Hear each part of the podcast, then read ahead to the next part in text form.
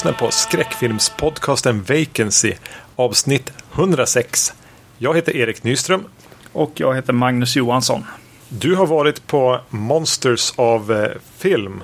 Ja, precis. Heter det så? Ja. Eh, Precis, en genrefilms eh, eh, filmfestival här i Stockholm. Som eh, gick av stapeln under Halloween-helgen. Eh, vilket ju är lite smart sådär på ett sätt. Men det är ju också lite ja, en hektisk helg. Tror jag. Särskilt för folk som, som kanske går på sådana festivaler lite grann.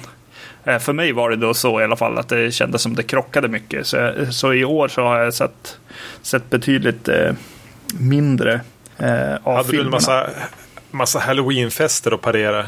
Ja, precis, exakt. och annat eh, var det som, som störde. Så, eh, så jag gick bara en av kvällarna, den här eh, som går under namnet eh, Horror Night. Där de visar tre filmer från klockan eh, åtta till eh, klockan två på natten. Var, var, var det på fredagen eller? På fredag, ja. Just det. Efter, efter en arbetsdag? Ja, Jag skulle inte klara det. Nej, just det. Eller de två första, sen skulle jag eh, gå hem. Ja, precis. Eh, Mm. Eh, Men jag kan väl prata lite grann om eh, vad jag såg i alla fall. Mm. Eh, Eftersom att en ny film är ju inte... Det... Det är inte våra starka sidor. Nej, precis. Vi brukar inte se det så ofta. Kvällen började med en film som heter The, The, The Hollow. Eller The Hallow heter det kanske. Med A. Ja, precis. Vad betyder det? Hallowed be thy name. Eh, Ja. pratar de om i början. Bibliskt. Ja, precis. Eh, det, det var en film om en, ett eh, par eh, som flyttar in i ett i en eh, hus i skogen i Ir, Irland någonstans. Eh, och eh, de har ett, ett litet, ett, en bebis också. Och eh, mannen börjar gå ut i skogen och eh, väl, eh, han är liksom forskare, så han är ute i skogen och tittar runt och så. Ja, det är en film om, om såna här liksom sagor och myter. Det är en monsterfilm egentligen. Eh, om om så här, ja men att bli bergatagen och sånt och skogsrån och Var det på. Irland? Är det Leprechauns med då? ja, nej, nej det är det inte. De, de grävde nog lite, lite. lite djupare än så. I, mytologi där på Irland, eh, gissar jag. Eh, den var rätt bra. Det var någon musikvideoregissör som hade regisserat den här, men eh, eh, det kändes ändå, alltså det kändes som han ville göra en film och inte en musikvideo. Så, så eh, det var bra och, och bra skådespelare och sådär. Eh, Eh, film nummer två. Eh, precis, det var eh, We Are Still Here. Eh, det här handlar om eh, ett par som har förlorat sin eh, vuxna son. Och de flyttar då in i ett gammalt hus. Och så handlar det om liksom spökerier. Liksom. De tror- Sorgmanifestationer. Precis, de, de tror ganska tidigt på liksom, såna här saker och eh, särskilt eh, ja, som var sedvanligt eh, mamman i familjen. Men ganska snabbt pappan också. Eh, och eh, det visar sig att vad huset har en viss bakgrund också, inte bara familjen så att säga. Den var väl eh, eh rätt bra så här. Den, det känns att det är det här eh, kompisgänget lite grann som du har lite problem med. Hon, eh, eh mamman i familjen här spa, spelas av Barbara eh, Crampton. Som ju är skräckfilms liksom. Vad är det? Your Next-gänget eller? Ja, precis. Eh, Hon är ju från Your Next i alla fall. Och, och sen så dyker han eh, Larry Fessender Mm. eh, upp i en roll. Och fotot är av Karim Hussein också. Så det är en jäkla blandning av folk här som dyker Joe. Swanberg med någonstans. Ja, nej, jag så, såg inte till eh, honom. Men kanske där någonstans. Eh, Lisa Marie är med också i, i en roll. Alltså vad, är- vad är hon med i? Och Tim, Tim Burton, Lisa Marie. Jag tänkte på Lisa Marie Presley. Är inte det Elvis dotter? Jo, jo precis. Ja, Men det var... men det är inte hon. Nej, nej. Eh, Jaha, f- gamla fotomodellen. Ja, precis. Som Tim Burton var gift med. Ja, precis, exakt. Den var sådär liksom. Eh, det var, det var ganska trevligt foto och så hade de en väldigt stark så här, italiensk eh, inspiration. Eh, Fulci eh, kändes ju av där. Och så hade de en... det, det konstigaste i den filmen var att de hade en sån här J&B-flaska som eh, gick runt en hel del för att eh, få en att tänka på, på italiensk eh, genrefilm. Men det var inte JMB utan det var eh, BJ. Stod det på flaskan. Jag vet inte. Var det ett kul skämt? Ja, det var väl det. Eh, Eh, vad hette filmen nu igen? We are still here. We are still here. Okej. Jag hann- Sämre, bättre eller sämre än den första? Ja, det, ja men de var, li, de var lite likvärdiga ändå. Mm. Ja, kanske bättre. Ja, den första var fartigare liksom och den andra var lite, lite mer så här, åh, flörtar med genren liksom. Mm. Lite mer. Eh, det kändes som att The, The Hallow var lite mer en friskare våg på något sätt. Eh, Larry Fessender, säger jag rätt nu? Nej. Ja, ja, men han var bäst i filmen, helt klart. Eh, Mm. Han är så en skön, avslappnad snubbe. Och sen började det bli liksom lida mot natten och klockan blev eh, 12 så skulle sista filmen då börja. Och Det här hade gått hem alltså. Ja, precis. Exakt. Och det är ju här man behöver liksom lite adrenalin i kroppen och, och lite liksom fartfylld skräckis känns det som. Mm. Och eh, då tog de upp en film som heter The Dark Below. Som handlar om en kvinna som blir, eh, eller den öppnar med en, med en kvinna som blir nedslagen av någon man och eh, utdragen på isen och eh, påklädd en eh, dyk, eh, dykardräkt, höll jag på att säga, vad heter det? Våtdräkt och eh, dykarutrustning och nerkastad i en vak. Okej. Och eh, sen så utspelas liksom filmen där under isen med liksom flashbacks och grejer och he- hennes liksom, ja, när hon kämpar för sitt liv på något sätt där.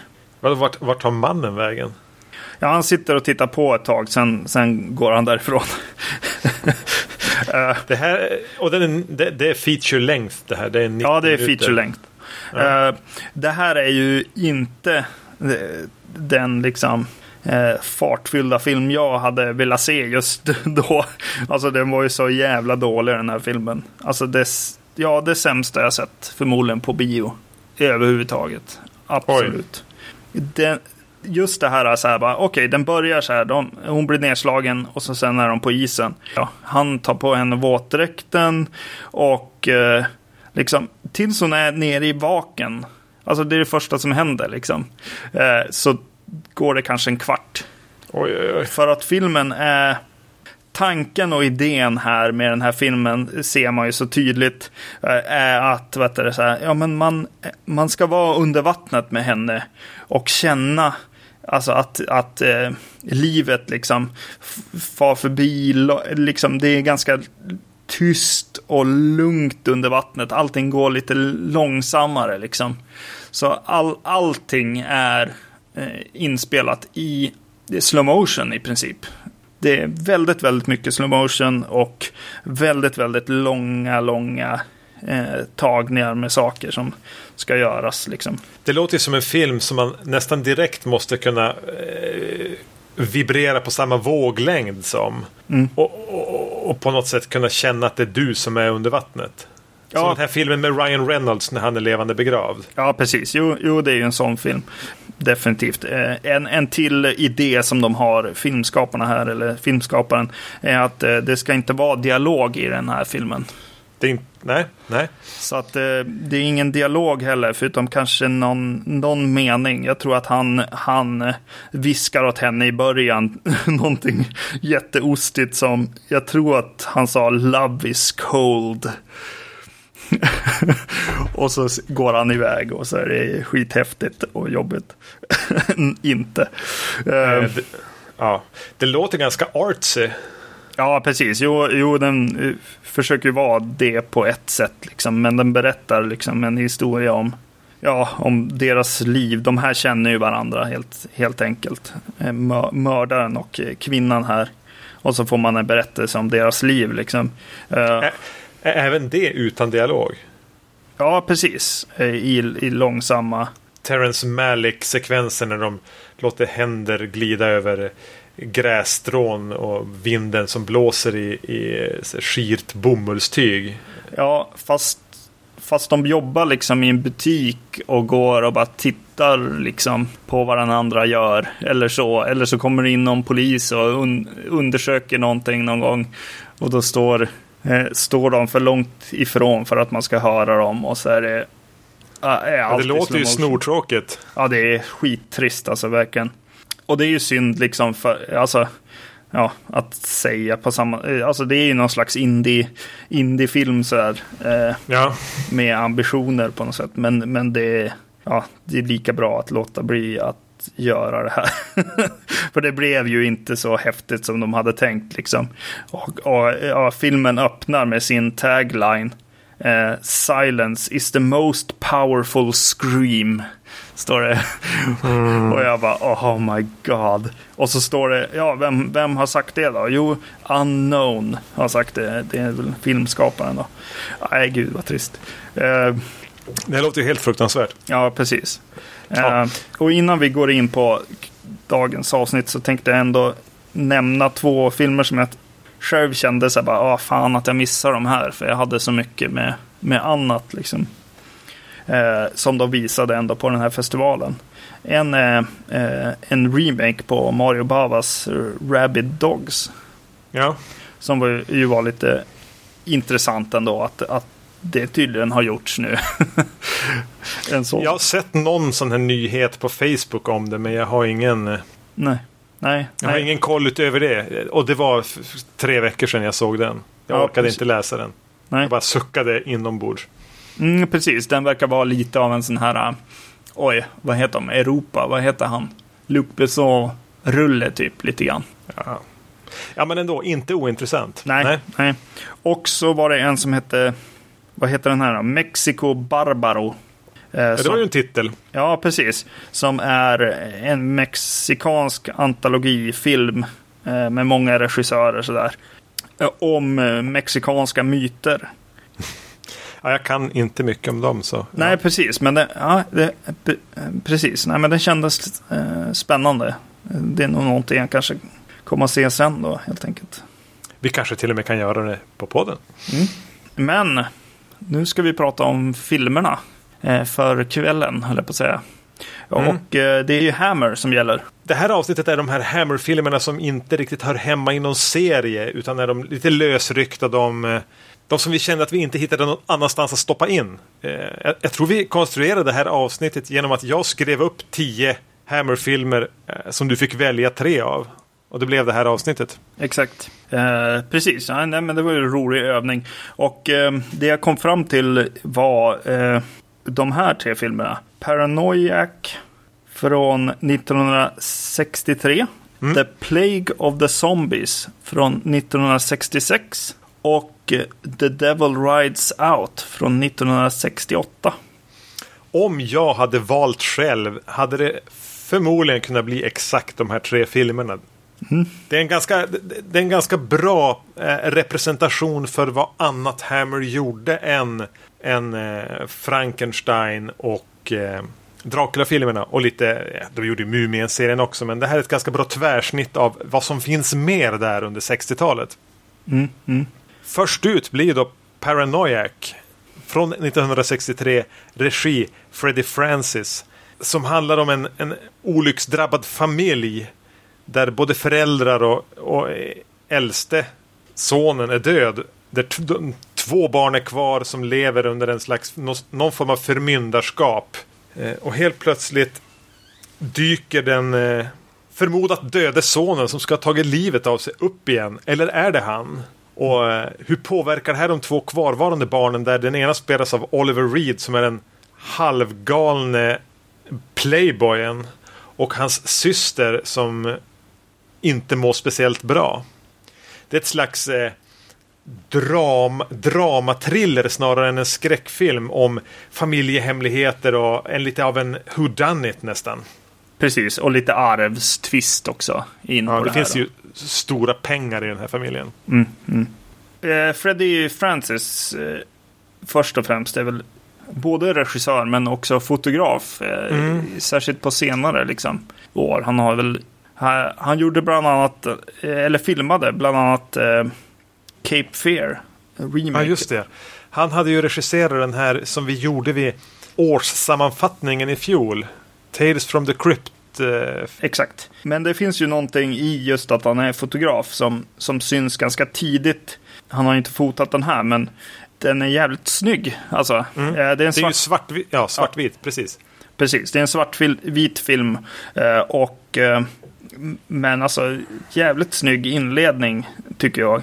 Åkningen till, till den här graven då, familjegraven, öppnar ju det här på ett helt annat sätt än vad man känner att man är van vid. Till och med för Hammer skulle jag säga.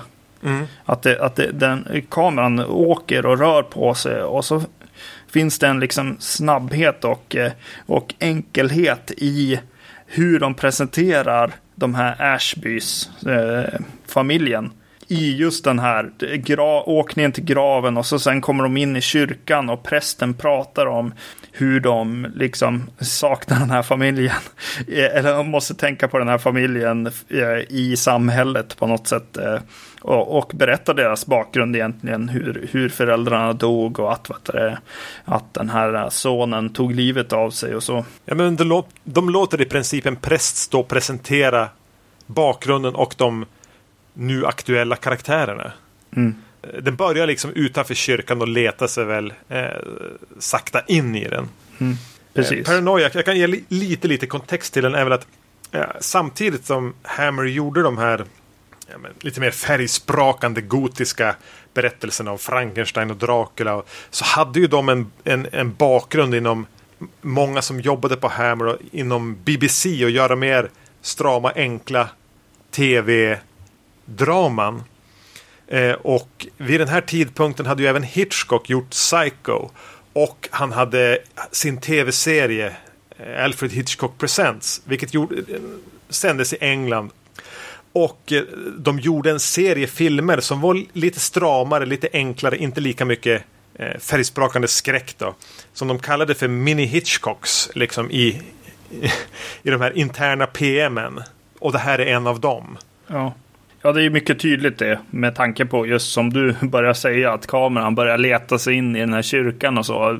Det är ju väldigt eh, Hitchcock ganska tidigt här. Ja. Eh, men det är ju, det är ju snyggt också tycker jag. Eh, hur de använder kameran framförallt i den här kyrkan och så. Ja, behöver vi alltid stå och titta på när prästen pratar? Nej, vi kan åka och titta på någon bok som kanske har någonting med liksom. Ja, men när vi pratar om självmordet här så kanske vi åker och visar en psalmbok och man, man får tänka kring, kring självmord och religion och, och så. Nej, nej jag, jag gillar verkligen inledningen här som sagt. Och så sen kommer man ju in då i familjen när de väl är liksom, ja, hon, hon, hon eh, Vi kan Eh. väl kalla dem för systern och brodern kanske. ja, precis.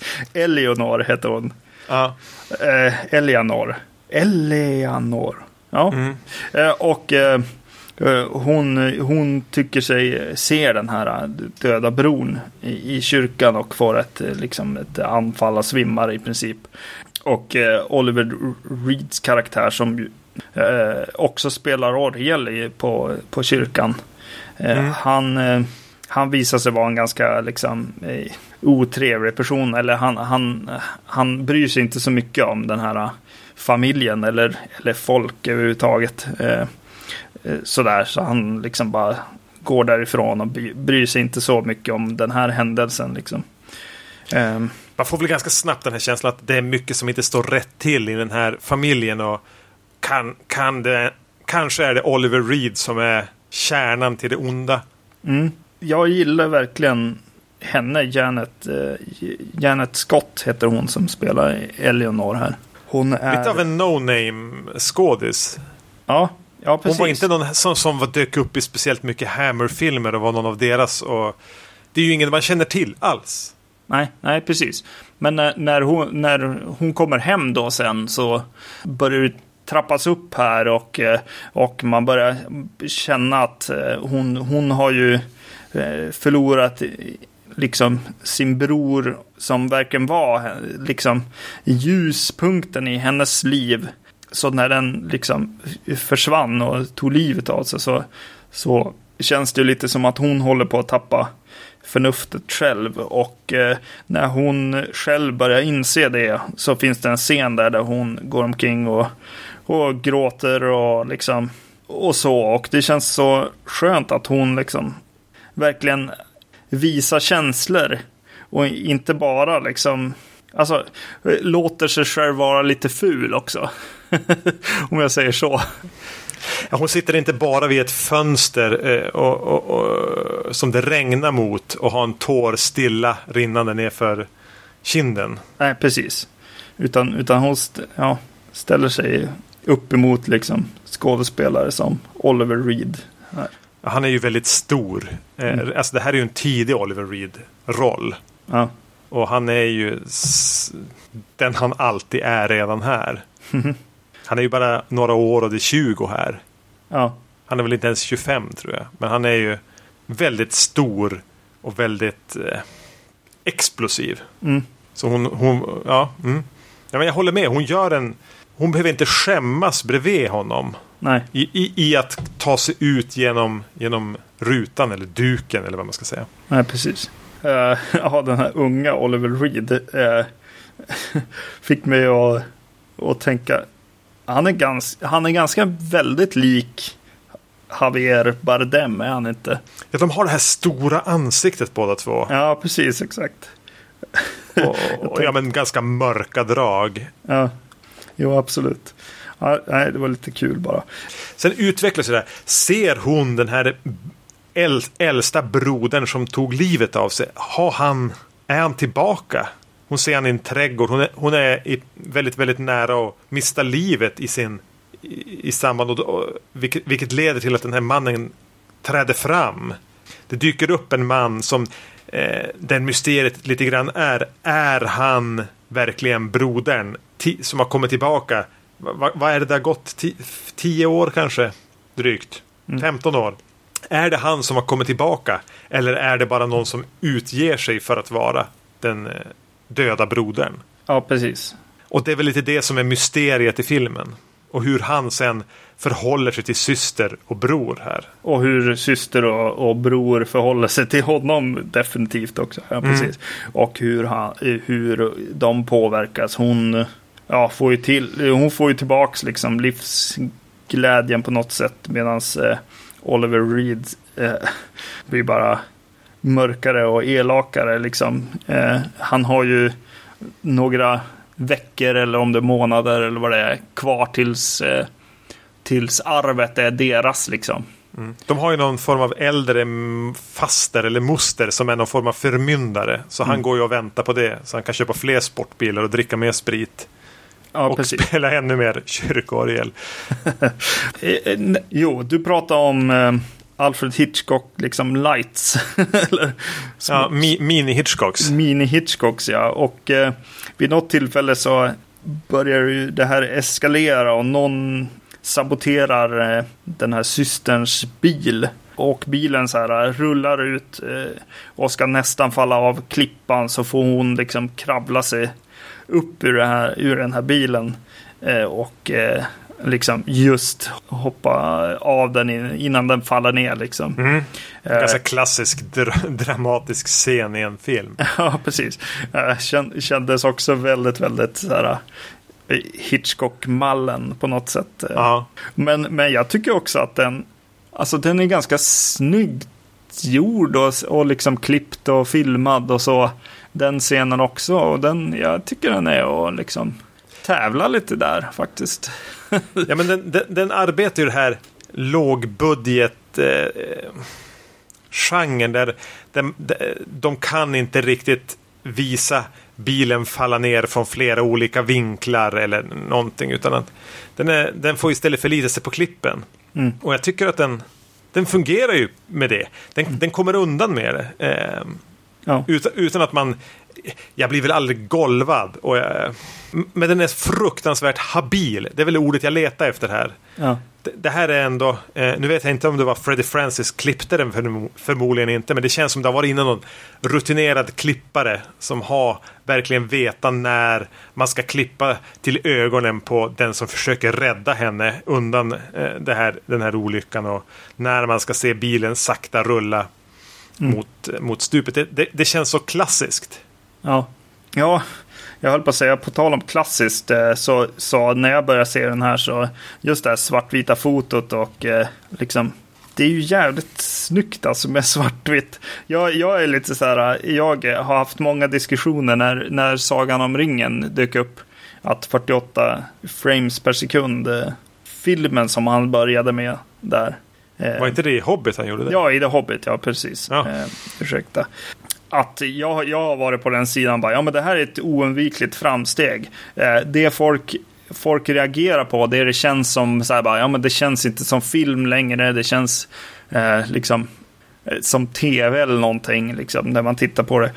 För mig så känner jag att så här bara, ja men så där sa vi säkert, eller de säkert, när färgfilmen kom in också och sa bara, ja men det här är inte film liksom, utan det här är liksom, det är som att titta ut genom liksom ett Genom fönster. fönstret. Ja. Precis. Och eh, ja, så jag har varit så här lite framåt, framstegs liksom kämpen i det här fallet liksom. Men eh, jag börjar fundera om vi kanske har gjort ett stort misstag när vi ens gick över till färg. Ja. ja, men, ja, men alltså svartvita filmer, jag är väldigt förtjust i svartvitt eh, överlag. Och jag, att man kan jobba på ett annat sätt där med, med skuggor och kontraster och nyanser. Eh, eller det blir viktigare. Mm. Och det är ju någonting som är så genuint vackert i ett i svartvitt foto. Ja, Eh, det går inte att komma ifrån. nej precis. Alltså, jag tycker att den här är snyggt skriven, film, eh, filmad och skådespelad och regisserad. Det känns inte som att jag kan önska mig så mycket mer av den här filmen än så. Eh, och Hitchcock-inspirationen, eh, ja, det funkar för mig. Och, Mm. och om det är någon så här, så här arvstvist, som ju är en grej som dyker upp i, i film, Eh, som jag inte kan relatera till mycket alls. eh, så tycker jag ändå att det här är en väldigt, väldigt kompetent sådan film. Och jag blev, jag blev väldigt glad över att se den här. Att jag valde den här av de tio som du hade att välja mellan. Jag har ju sett den tidigare, eh, men jag minns väldigt lite. Jag minns väl i princip att Oliver Reed var med och att han var väldigt intensiv. Men eh, det kan man ju alltid utgå ifrån om han är med i en film. Eh, jag kan väl ibland känna att den blir lite torr. Att den får lite känslan av en... Att den har en viss tv-känsla. I, I att den, den är ganska... Har en formula. Ja, det har att den får lite, lite ja, men, snyggt fotad radioteater över sig. Men, men den är ju svår att inte tycka om. Och jag, jag, jag, jag har aldrig riktigt koll på den. Jag sitter hela tiden och undrar lite grann. Ja, men vem är det som är det brorsan? Eller vem är det som är tillbaka? Och är Oliver Reed verkligen så dekadent och eh, självcentrerad som han verkar? Eller är systern verkligen den här oskuldsfulla som hon verkar? Jag känner mig aldrig riktigt säker. Mm. Och sen dyker det upp en väldigt, väldigt cool maskerad mördare. Ja, just det. Ja. Ganska oväntat. Även om det avslöjas kanske lite väl snabbt så är det en... Oj, det där hade jag inte räknat med. Det är alltså någon som har på sig en väldigt märklig mask eh, som väl ska föreställa vara en, en, pojke i princip. ja, precis. och, och har väldigt uppspärrade ögon bakom den här masken. Ganska visuellt häftigt. Um, ja, men sådana där små grejer också finns där. Ja, precis. En, helt plötsligt kom Mario Bava och sa hej Ja. på något sätt. Ja, ja. Nej, men det är en trevlig, trevlig liten film. Den är ganska kort också. Den är väl bara typ 80 minuter. ja precis. Ja, nej, jag, jag, jag satt och tyckte det var mysigt att titta på. Definitivt rakt igenom. Och den sticker ju ut rätt mycket från det andra vi har sett som Hammer har producerat. Ja, jo, det gör det verkligen. Eh, och det finns, som jag sa tidigare, det finns en handfull liknande Hammer-filmer. Fotade i svartvitt. Jag tror att de tänkte så att om filmerna ska utspelas lite mer i nutid. De gjorde det för att kontrastera sig mot deras gotiska eh, spektakel som väl alltid utspelas på 1800-talet. I alla fall till en början, i början av deras, den här är från 63 så ville de få en, en, även en visuell här, skillnad mellan dem. Ja, just det. Jag, säger inte, jag säger inte att de alltid gjorde så, men de ville ha den lite mer krassa verkligheten. Den är svartvit. Ja, ja precis. Ja, nej, men det är härligt. Eh, lite tänkte jag bara att ja, men det är väl Psycho som har satt sina spår på det svartvita, men de kanske gjorde fler sådana här filmer också. Ja, för mig det fanns en sån här tanke. Eh, för när de Eh, gick på bio under 50-talet och när färg började komma. Då var färgfilm, ja men det var, det var spektaklen. Men ofta före bi, på biografer kunde du även gå och se journalfilmer som var typ nyhetsrapporteringar. Men från kriget eller från vilket krig det nu var som gällde då. Eller berätta om någon strejk vid någon fabrik. Såna journalfilmer, eller ny, det, dåtidens så här, nyheter gick ju före på biograferna och de var ju alltid svartvita. Vilket gjorde att färg på bio, det var det var saga, det var spektakel. Svartvitt på bio, det var, det var verkligheten. Mm. Tre år senare gjorde eh, Hammer The Plague of the Zombies, alltså 1966 i regi av John Gilling. Inte någon av de namnkunnigare Hammer-regissörerna egentligen. Eh, och här är det färg. Ja, precis. För den utspelas på eh, sent 1800-tal tror jag. Ja, 1860 kollade, ja. kollade jag upp för jag var tvungen att veta när den här zombiefilmen utspelar sig. Och den handlar om en, en äldre läkare som eh, får ett brev av en annan läkare som vill att han ska eh, egentligen be om, be om hjälp för, för det dör folk i min by. Så läkaren här tar med sig sin unga eh, dotter och åker dit för att ta reda på vad det är som händer egentligen. Där folk av oförklarlig anledning verkar dö. Och det verkar även som att de inte fortsätter vara döda utan att de återvänder till livet. Eh, I den här byn finns även en mäktig man som kanske inte har helt rent mjöl i påsen. Exakt. yes. Eh, vi är tillbaka i det mer, mer gotiska här. Som sagt, det är färg och det är 1800-tal. Och eh, den har en annan ton som, som ligger mer i samma ton som Frankenstein-filmerna har. Det vill mm. säga spektakeltonen. Ja, precis. Uh, ja, just, just så här 1800-tal och zombiefilm liksom. Det är inte... Ja, det brukar inte liksom blandas så hemskt mycket ändå. Nej. Kan jag tycka i, i det jag sett. Utan det, man brukar vilja hålla dem i den tid när man gör zombiefilmerna. På något sätt ändå. Uh, och nämnas bör ju här att den här kommer ju faktiskt två år före Night of the Living Dead ja. lutar sig väl då snarare mot den tidigare zombie-traditionen som inte ens är en tradition. Det kommer några zombiefilmer som Universal och de här Valuton gjorde I walked with a zombie och eh, den här med Ja, White Zombie. Med, ja, precis. White Zombie med Boris Karloff. Mm. Kom ju på 30-talet. Och då, då, då, då, då lutar man sig snarare mot den här voodoo-zombien. Ja, precis. Och det är ju lite kul med det. Det är ju väldigt kul med det, särskilt när man då går och gör gotiskt av det hela också. Liksom. Så det blir ju den där grejen som vi, jag vet vi har skojat om en massa, om att man ska göra en film med, med satanistisk eh, liksom voodoo-kult liksom. Ja. och, och, eh, och zombies då. Eh, ja, det är ju redan gjort då tydligen. Ja, precis, exakt. det är ju den här filmen, det var ganska kul liksom. Att, att det blev så här. att den redan var gjord.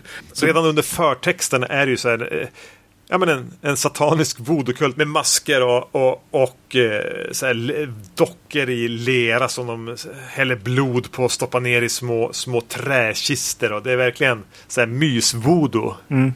Ja, precis. Och det är verkligen så här, ja, det är lite voodoo möter satanistkulten på något sätt. Ja, det är kåpor och så här, altare. Ja, precis. Och ska man hälla blod ska man hälla det ur häftiga kärl och, ja, och till då de här voodoo-dockorna liksom i lera här. Ja, nej men det är, det är ju skithäftigt tycker jag. jag. jag. gillar ju verkligen och just att den sätter en ton också som är så här bara, ja, ja men nu ska vi, nu ska vi ha lite kul här liksom. Sen presenteras vi för då den här Sir James Forbes, den här 60-årsåldern läkaren och hans dotter. Sen gnabbas lite grann och, och, och reser dit i häst och vagn. Och det är väldigt matiné-mysigt. Alltså, den känns ganska barnvänlig till, till stor del här i inledningen. Ja. Det känns snarare Ivanhoe än att, än att det är en skräckfilm. De, och den har ju ett fruktansvärt lugn, den här filmen. Ja. Och äh, det här brittiska lugnet. Det är mycket dialogscener i, i tre, tre, tredelade kostymer i, i gotiska miljöer. Där äh, Shakespeare skådespe, skådespelare står sprätter repliker mot varandra. Mm, ja, precis. Det känns som en Dracula-film väldigt mycket den här. Mm. hela liksom pacingen och settingen och så här. Åh, nu är någon sjuk och ligger, eh, ligger till sängs. De pratar väldigt mycket om att folk ska gå och sova. och ligga liksom lite, lite sjuka och eh, de har till och med små sår med bandage på. Ja, men precis, exakt. Nej, men det här är ingenting, det är ingen fara. Nej, precis, exakt. Eh, mycket av det eh, finns ju i den här filmen. Så eh, det känns som kul att, att se en film som har kommit innan Night of Living Dead som ändå liksom satt en standard väldigt hårt egentligen eh, ja. på zombiefilmer att, att då få den här liksom trevande lite grann eh, zombiefilmen som försöker hitta så här. Ja, men kan vi bara byta ut Dracula mot zombies? Är det, är det något vi kan göra? Och, och voodoo, det verkar, det är ju lite häftigt så här. Kan vi få in det på något sätt? Eh, det blir också lite, lite den här eh, the most dangerous game. Där det är en person som är, är, har varit ute och rest mycket och så här. Och sett saker. Som är den som blir liksom hotet på något sätt. Som har tagit mm. med sig det här hemska liksom. Från, från utlandet. Från utlandet, ja. Jo, jo. det är väl sant. Ja, nej men jag det är ganska, ganska kul det här tycker jag. Eh, och jag, jag, tycker det är roligt med så folk som går och öppnar gravar och kollar. Åh nej, det är tomt här och, och sådär. Mysteriet får ju det väldigt, eller mysteriet, det är väl titeln avslöjar ju ganska tydligt vad det handlar om. Men eh, alltså, det får verkligen ta sin tid. Den är så sjukt ostressad, den här filmen. Mm.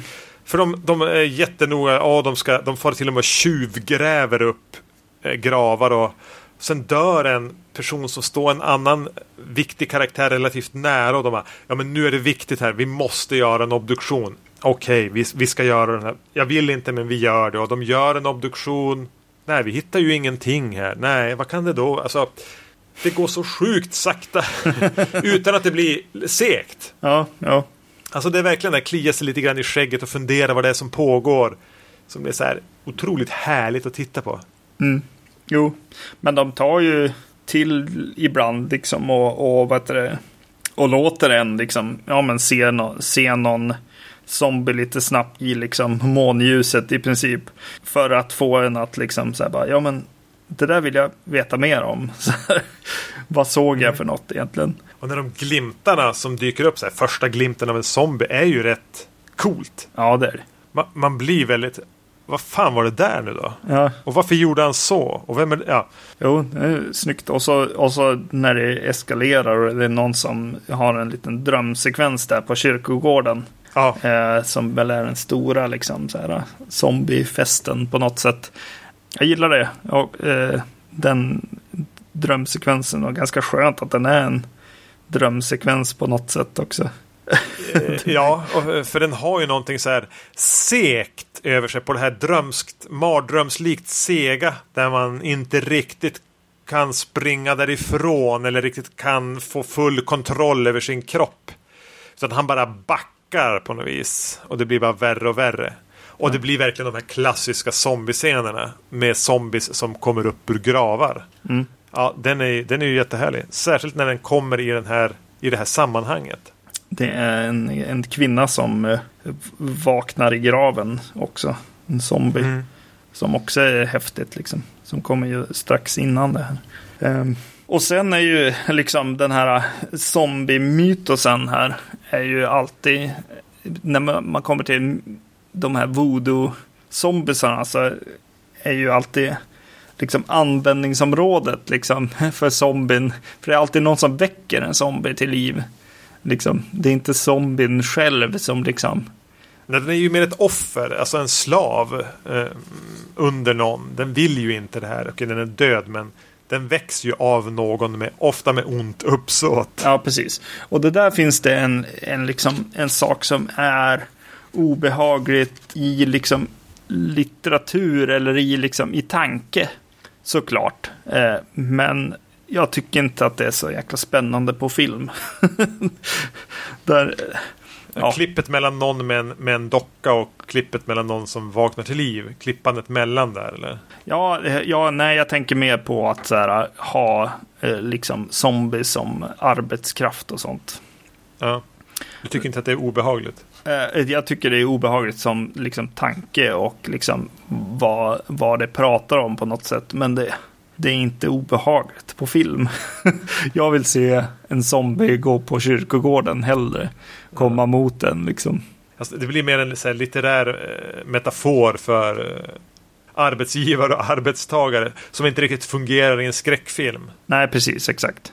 Exakt, det är just det. Att det är en skräckfilm så här. Man, där skulle man göra, alltså lite grann som, som Wes Craven var på väg att göra tycker jag ändå med, vad heter han? Hans voodoo-film där. Ja, just det. Serpent and the Rainbow. Eh, Serpent and the Rainbow, ja. Eh, som, som kunde ha blivit en, rikt, riktigt bra så här, ja men Michael Mann-rulle på något sätt. Där man bara gräver in sig i liksom eh, mytos och, och liksom i faktaböckerna på något sätt. Det var nästan lite synd där att, att det skulle behöva vara en skräckis också. Liksom. Ja, den hade behövt en halvtimme till och vara lite, lite torrare på något vis för att bli bättre. Ja, det är det jag känner om just den filmen. Men tänk att du går in i ett pitchmöte då.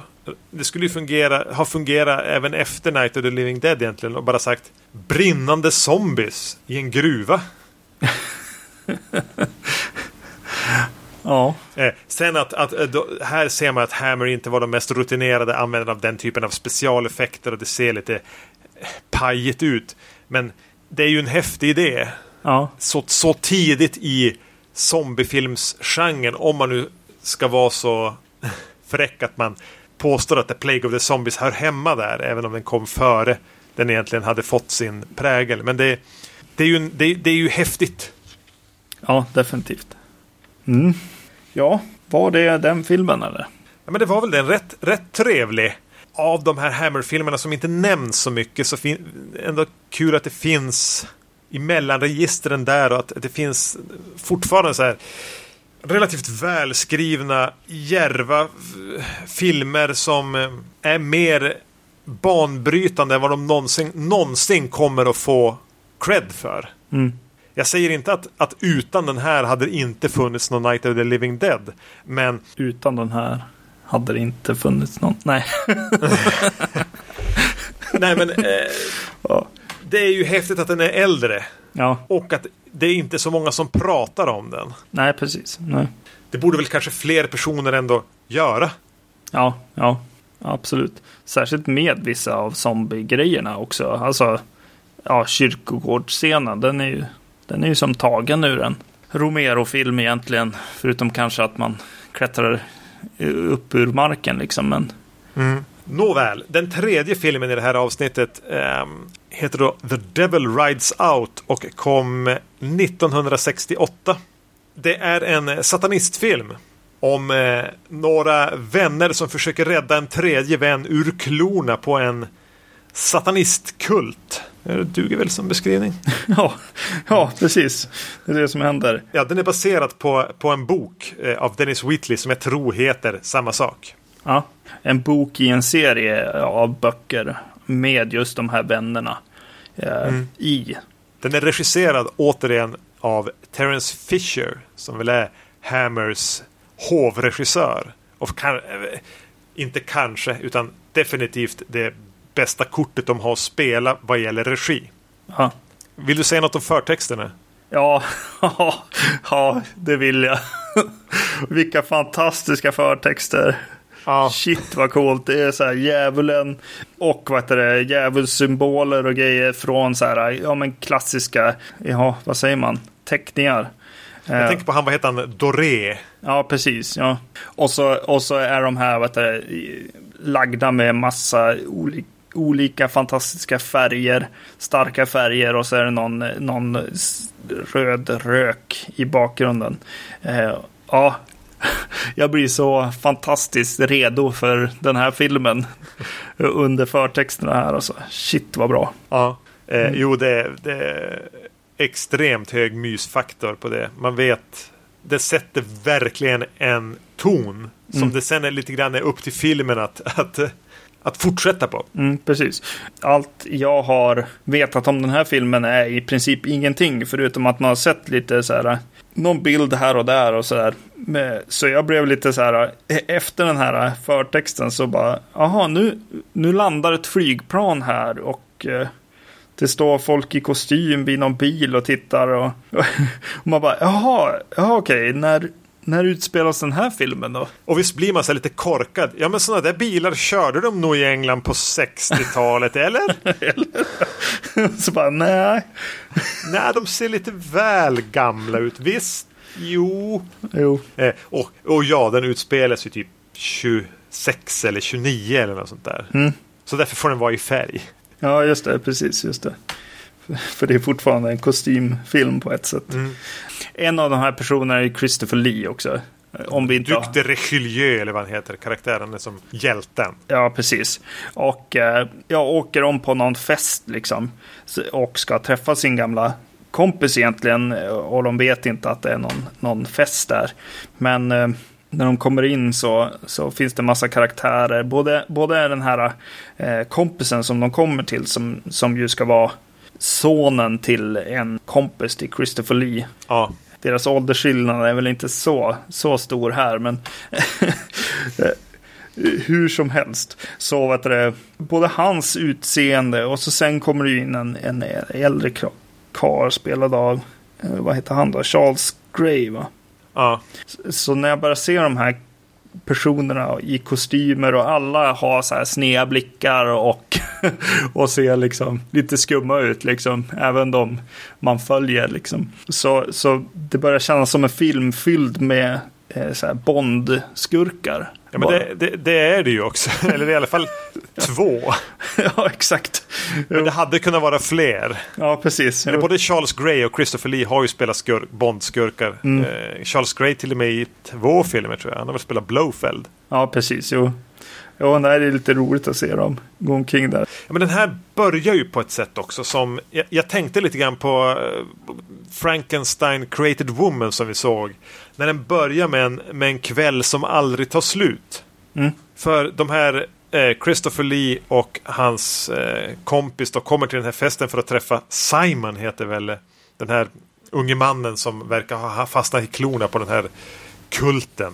Mm. Och de är där och de förstår att något inte går, står rätt till och de eh, lyckas eh, ta honom därifrån och han försvinner, ur- ta honom till en annan plats och han försvinner ur deras grepp och det är mycket fram och tillbaka. Det är ett ganska högt tempo, även om det känns väldigt eh, brittiskt stillsamt hela tiden. Så är det ju mycket som händer under de första halvtimmen av den här är verkligen non-stop action egentligen innan filmen.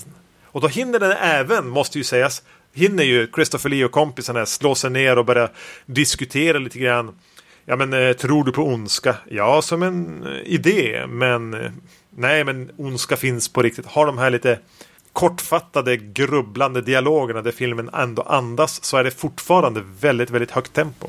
Jo, jag gillar verkligen hur de, hur de gör här på festen. Christopher Lee inser att de har hamnat i fel, liksom, eh, på fel fest helt enkelt. Och eh, säger väl åt kompisen att vi kommer bli utslängda nu. Han vill inte ha oss här. Eh, jag går ett varv och hör vad det här handlar om. Han har ju, han har ju någonting på känn där liksom. Och eh, jag gillade verkligen just den, eh, den lilla snutten av den scenen när han går genom festen och, eh, och man får liksom bara höra det, det som sägs i just den gruppen som han går förbi just då på, på någon slags teatervis nästan. Eh, som ändå känns jäkligt häftigt och ganska cinematiskt på samma gång. Liksom. Eh, jag, jag gillade det verkligen.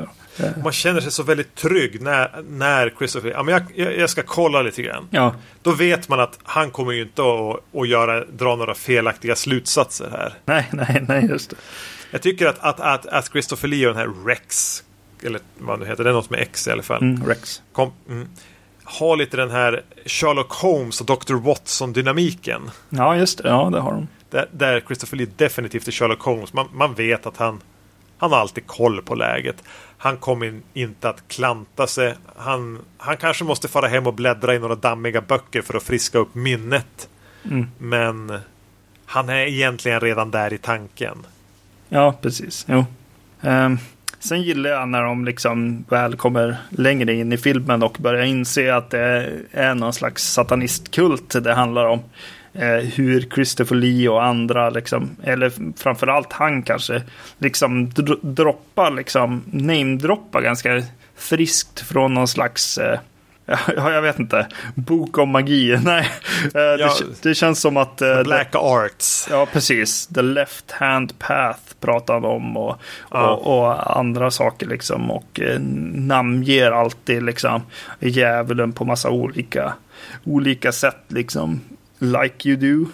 Uh, och eh, det, det, känns som att den är så här mysigt påläst film. Som att det är det den vill prata om. Den vill prata om magi och mörk magi och, och satan och sånt.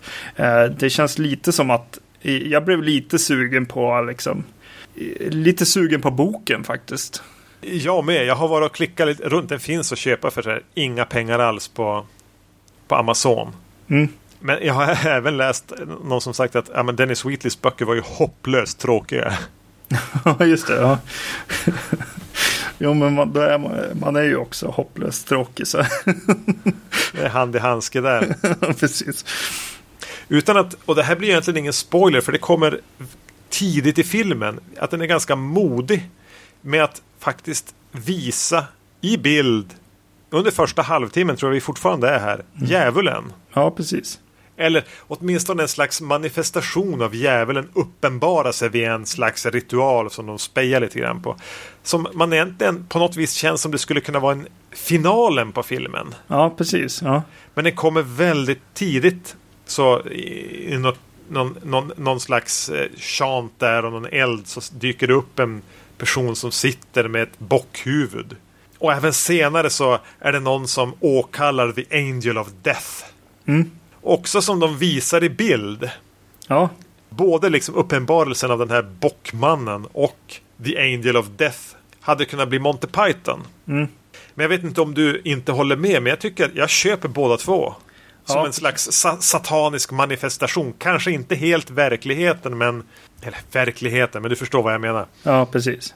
Vad tyckte du om han, anden i flaskan i början också? Ja, just det. Det är med... ännu tidigare dyker upp liksom en någon med någon sån där sådana byxor som anden i flaskan har.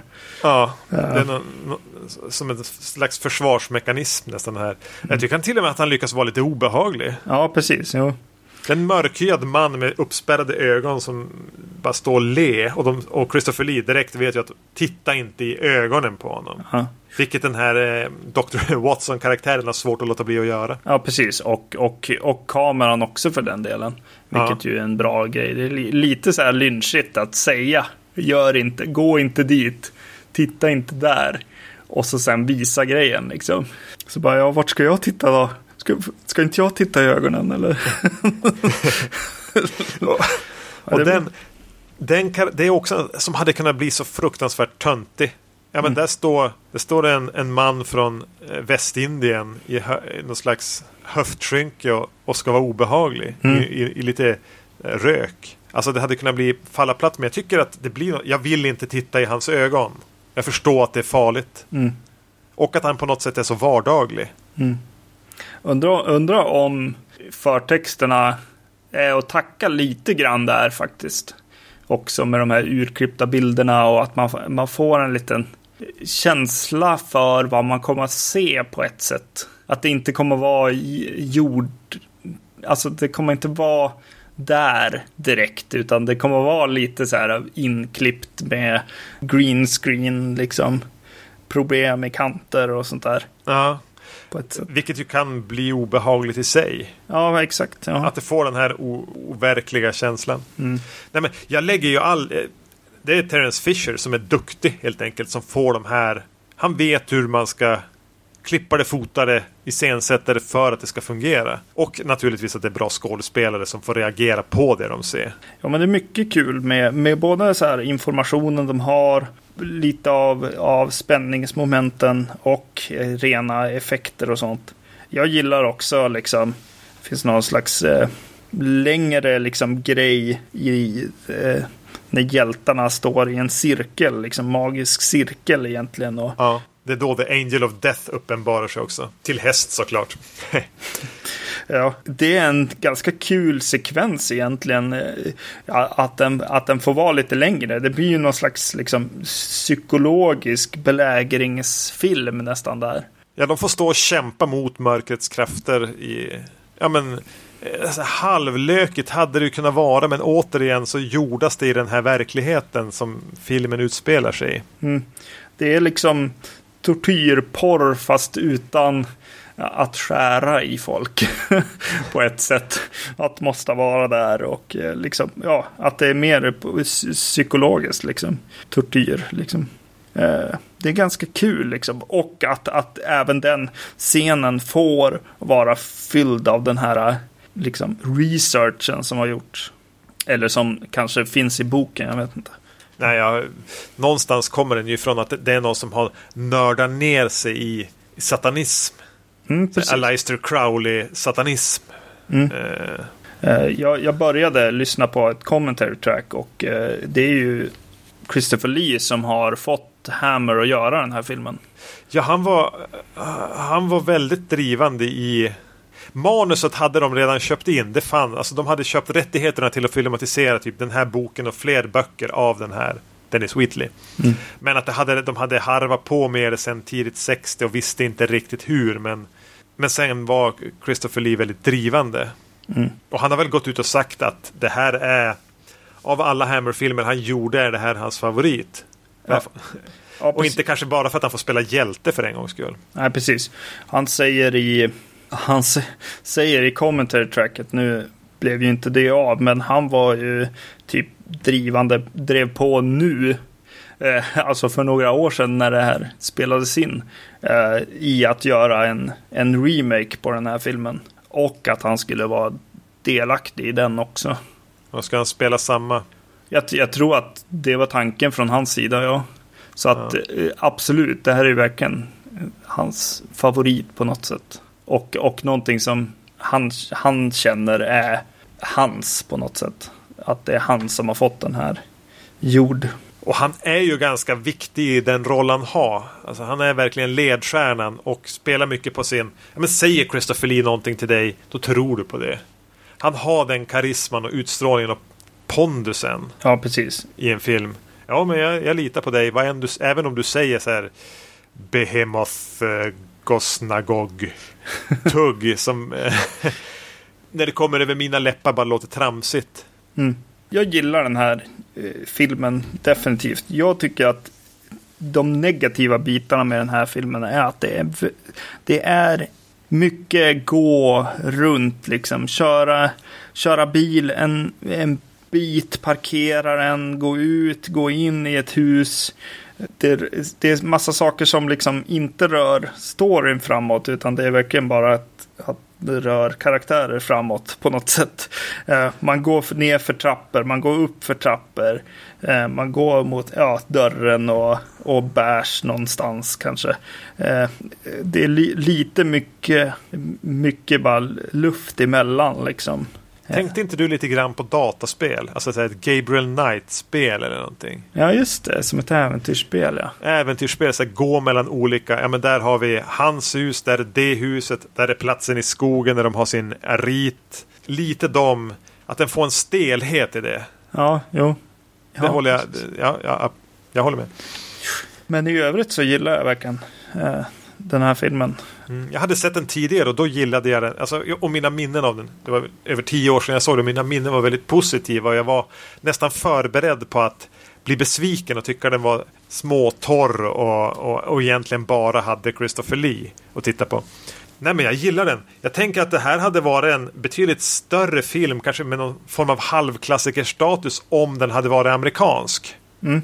Men nu är den väldigt, väldigt brittisk. Äh, jag tycker ändå att den är så pass väl regisserad utan att vara speciellt stylish, visuellt slående så är den, ja men återigen, Terence Fisher är en av de här extremt underskattade hantverkarna inom skräckfilmen. Eh, nu gjorde han, jobbade han ju i princip bara inom Hammer Studios. Mm. Vilket väl kanske gör att man inte har, blir det stora namnet som en autör, en, en skräckfilmsregissör. Utan han är bara den här personen som gjorde Hammer-filmer. Mm.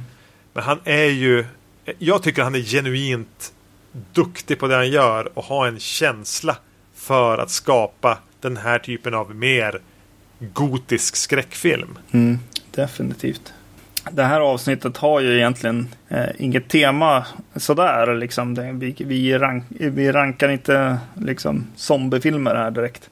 Eh, men, men jag kan ju ändå säga eh, hur det kändes bland de här filmerna för mig. Och då, då är Paranoiac den som jag tyckte var absolut höjdpunkten. Den kvällen jag såg den och eh, The Plague of the Zombies.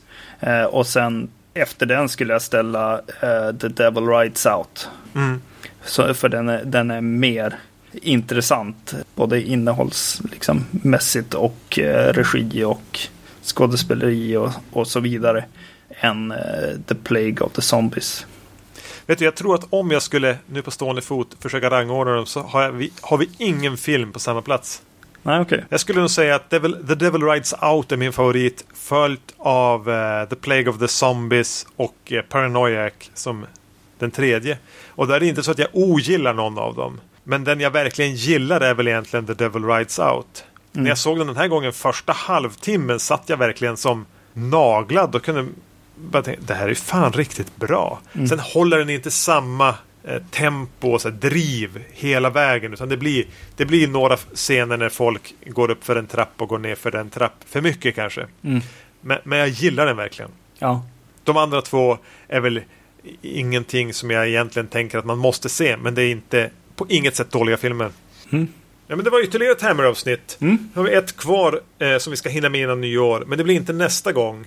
Utan då tänkte vi titta på lite Wes Craven-filmer.